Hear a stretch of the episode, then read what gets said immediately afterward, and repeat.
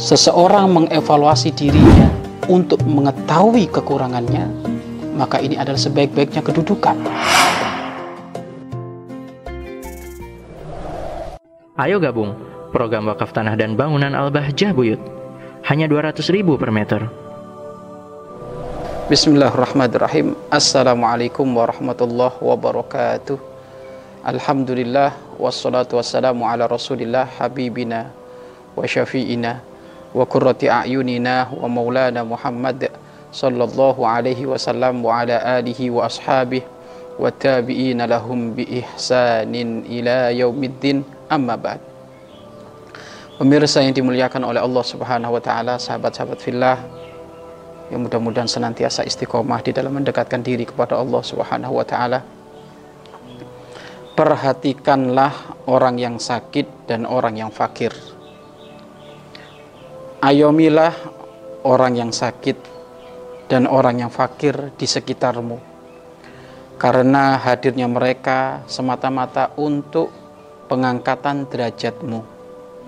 Jika engkau menolongnya, jika engkau memperhatikannya, jika engkau mengayominya, ketahuilah ridho Allah bersama dengan mereka. Pemirsa yang dimuliakan oleh Allah Subhanahu wa taala. Dalam sebuah hadits qudsi baginda Nabi Muhammad sallallahu alaihi wasallam bersabda, "Ana inda mungkasorati kulubuhum." Aku bersama orang-orang yang hatinya terhimpit. Aku bersama orang yang hatinya sempit. Aku bersama orang yang hatinya sedih. Hadits Qudsi itu maknanya dari Allah, lafadznya dari baginda Nabi Muhammad SAW.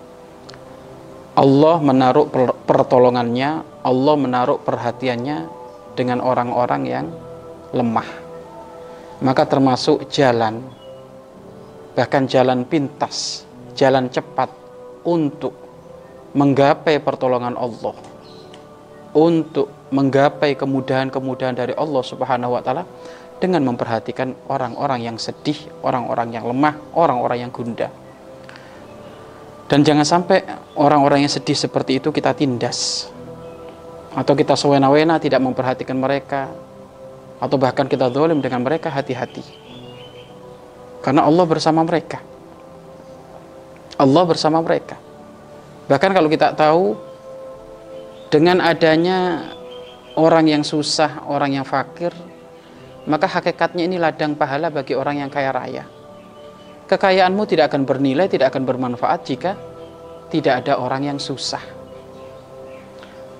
Maka hakikatnya kalau ada orang susah kayak gitu bukan karena Allah tidak mampu ngurus. Karena ada sebagian orang memberikan salah memberikan gambaran pemikiran yang salah. Kenapa di dunia harus ada orang susah? Kenapa di dunia harus ada orang yang tidak mampu? Kenapa di dunia harus ada orang yang sedih? Kok Allah tidak menciptakan semuanya bahagia, semuanya ter, tercukupi? Kenapa harus ada orang yang sedih seperti itu? Bahkan mungkin ada di antara kita Allah Subhanahu wa taala menciptakan mereka dari kalangan orang yang susah, orang yang melarat, susah, kemudian dia berpenyakitan dan ternyata penyakitnya nggak tanggung-tanggung, penyakit yang ganas. Sehingga sudah susah, berpenyakitan, usianya pun tidak lama. Kenapa harus seperti itu? Ketahuilah, di saat ada ujian seperti itu, ya hakikatnya Allah ingin mengangkat orang yang ada di sekitarnya. Pertama yang akan diangkat adalah derajat keluarganya. Ayahnya tentu sabar memiliki anak seperti itu, ibundanya juga banyak mengadu kepada Allah. Jadi kalau ada kekurangan di satu sisi, maka hakikatnya Allah ingin mengangkat melebihkan di satu sisi juga. Nah dari sinilah inilah termasuk keadilan Allah Subhanahu wa taala. Maka yang patut kita haturkan, yang patut kita sikapi adalah hendaknya kita ini menjadi pengayom bagi mereka semuanya. Pengayom. Bahkan kalau urusan orang yang tidak mampu, or urusan orang yang sakit, bukan hanya terbatas kepada orang Islam saja Orang kafir pun selama bukan kafir harbi, maka wajib bagi kita untuk memperhatikan mereka. Walaupun dia kafir. Kenapa? Karena Islam sangat menjunjung tinggi persaudaraan atas nama manusia asal dia bukan kafir har harbi artinya dari sini kalau yang orang kafir saja jika sakit kita bertetangga dengan mereka harus kita perhatikan lalu bagaimana jika yang sakit adalah orang Islam sudah gitu tetangga kita apalagi saudara kita maka dari sini mohon kalau engkau ingin menjadi orang yang hebat perhatikan orang-orang yang di sekelilingmu Bahkan sampai dalam sebuah cerita disebutkan ada seseorang hendak berangkat haji dan umroh. Hendak berangkat dan haji dan umroh. Dalam waktu yang sudah ditentukan dia ingin melaksanakan haji. Namun tiba-tiba orang yang mau berangkat haji itu rumahnya diketok oleh tetangganya. Assalamualaikum. Dijawab Waalaikumsalam. Masya Allah ada yang bisa dibantu? Iya aku tetanggamu sebelah. Ada apa? Barangkali engkau punya makanan maka mohon dikasihkan kepada saya karena saya sudah beberapa hari ini hampir tidak makan kata tetangganya maka sang punya rumah tersebut mencari karena memang dia mau berangkat haji kebetulan sehingga dia tidak masak apa pun kecuali ada makanan yang sudah setengah basi. Makanan setengah basi. Makanan setengah basi itu kan adalah makanan yang yang yang tidak layak. Artinya makanannya sudah baunya nggak enak. Dalam kesehatan pun itu nggak bagus. Maka nggak ada ini makanan sudah pada pada basi semuanya nggak enak, baunya nggak enak. Kesehatan pun nggak nggak dianjurkan makan seperti ini. Maka sang tetangga tadi berkata, baik itu makanan nggak layak buat kamu. Artinya kalau memang tercatat menurut kesehatan ini nggak layak berarti kan hukumnya adalah haram jika kita konsumsi. Lah ini haram bagimu tapi nggak haram bagi saya. Kata sang tetangga tersebut. Loh maksudnya bagaimana? Karena memang kita nggak punya apa pun. Ini kelaparan kita. Sehingga biarkan itu makanan berikan kepadaku walaupun basi. Akhirnya dari situ terenyuh orang yang mau berangkat haji. Saya akan berangkat haji sedangkan ini ada tetangga yang kelaparan. Saya haji ini untuk siapa gitu. Kalau saya nggak peduli dengan tetangga. Akhirnya ada kegundahan di dalam hatinya. Jangan-jangan banyak orang fakir miskin seperti ini di kanan kiriku. Maka sudahlah. Aku sekarang duit bekal yang aku pakai haji dan umroh sudah aku bagi-bagikan saja kepada orang yang nggak mampu. Aku bagi-bagikan saja kepada orang yang nggak mampu, nggak mampu. Akhirnya dibagi-bagikan semuanya sampai orang ini nggak jadi berangkat haji dan umroh. Sampai nggak berangkat haji dan umroh.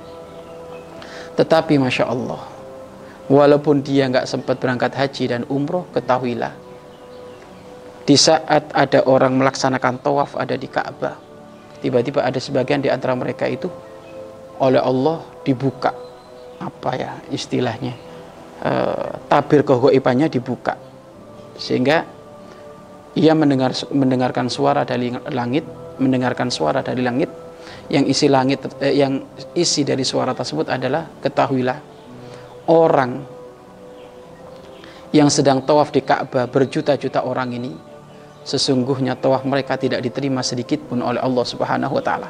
Hanya saja gara-gara orang yang mau berangkat haji di sana nggak jadi, dia lebih mengutamakan infak sedekah dan derma kepada orang-orang sekitarnya yang nggak mampu. Karena itulah Allah menerima semuanya tawafnya orang yang haji di zaman ini. Lah inilah kehebatan orang itu memperhatikan orang-orang yang lemah.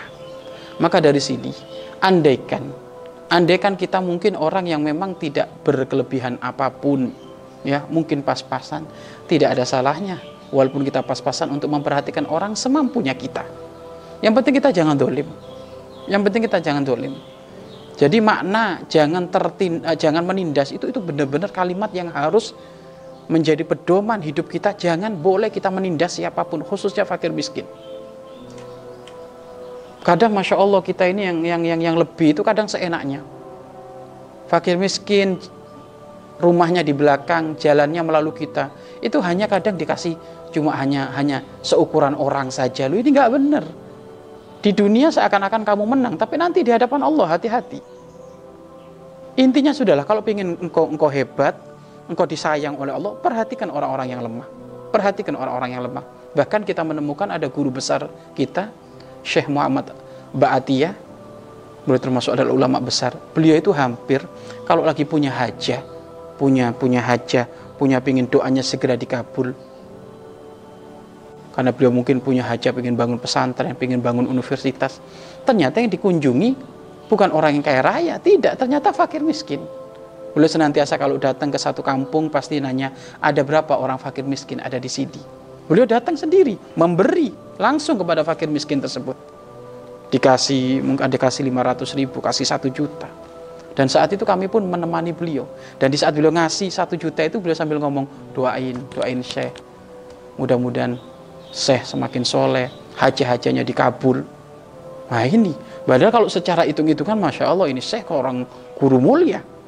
Doanya pun diperhatikan oleh Allah. Tetapi beliau Masya Allah mengamalkan sabda baginda Nabi Muhammad SAW dalam sebuah hadits qudsi ana inda mungkasorati kulubuhum aku bersama dengan orang-orang yang hatinya tertindas hatinya sedih maka ayo kita perhatikan ini kita perhatikan ini dan juga termasuk guru mulia juga Habib Hasan bin Ahmad Baharun. Beliau juga di saat punya hajah pasti beliau itu memperhatikan fakir miskin seperti itu. Beda dengan kita. Kalau kita kalau punya punya punya punya hajah yang besar pengen bangun ini kan paling deketin orang kaya raya. Boleh deketin orang kaya raya digugah untuk berinfak boleh. Tetapi jangan lupa orang yang tidak mampu bukan berarti dia nggak nggak ada perannya. Ada perannya apa? Panjatan doa di malam hari. Panjatan panjatan doa di, di malam hari maka ayo perhatikan kanan kiri kita. Tolong, tolong mungkin yang hidupnya serba kecukupan. Cukup itu bukan hanya pada dirimu tok. Tapi cukup itu ada makna kamu perhatian nggak dengan kanan kirimu. Awas loh tetangga itu Masya Allah. Tetangga itu sepanjang kanan 40 rumah itu tetangga. Ke kiri 40 rumah itu tetangga.